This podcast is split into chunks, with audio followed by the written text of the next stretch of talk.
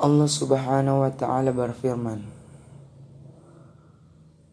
Dan di antara tanda-tanda kekuasaannya ialah Dia menciptakan untukmu istri-istri dan dari jenismu sendiri supaya kamu cenderung dan merasa tenteram kepadanya.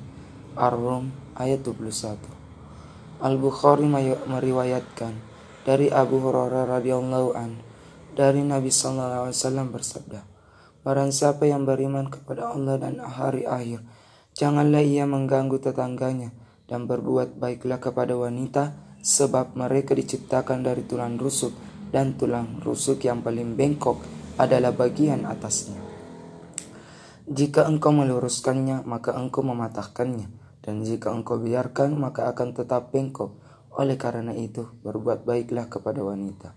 Al-Bukhari meriwayatkan juga dari Abu Hurairah radhiyallahu an bahwa Rasulullah sallallahu alaihi wasallam bersabda, wanita itu seperti tulang rusuk. Jika engkau luruskan, tegakkan, engkau mematahkannya.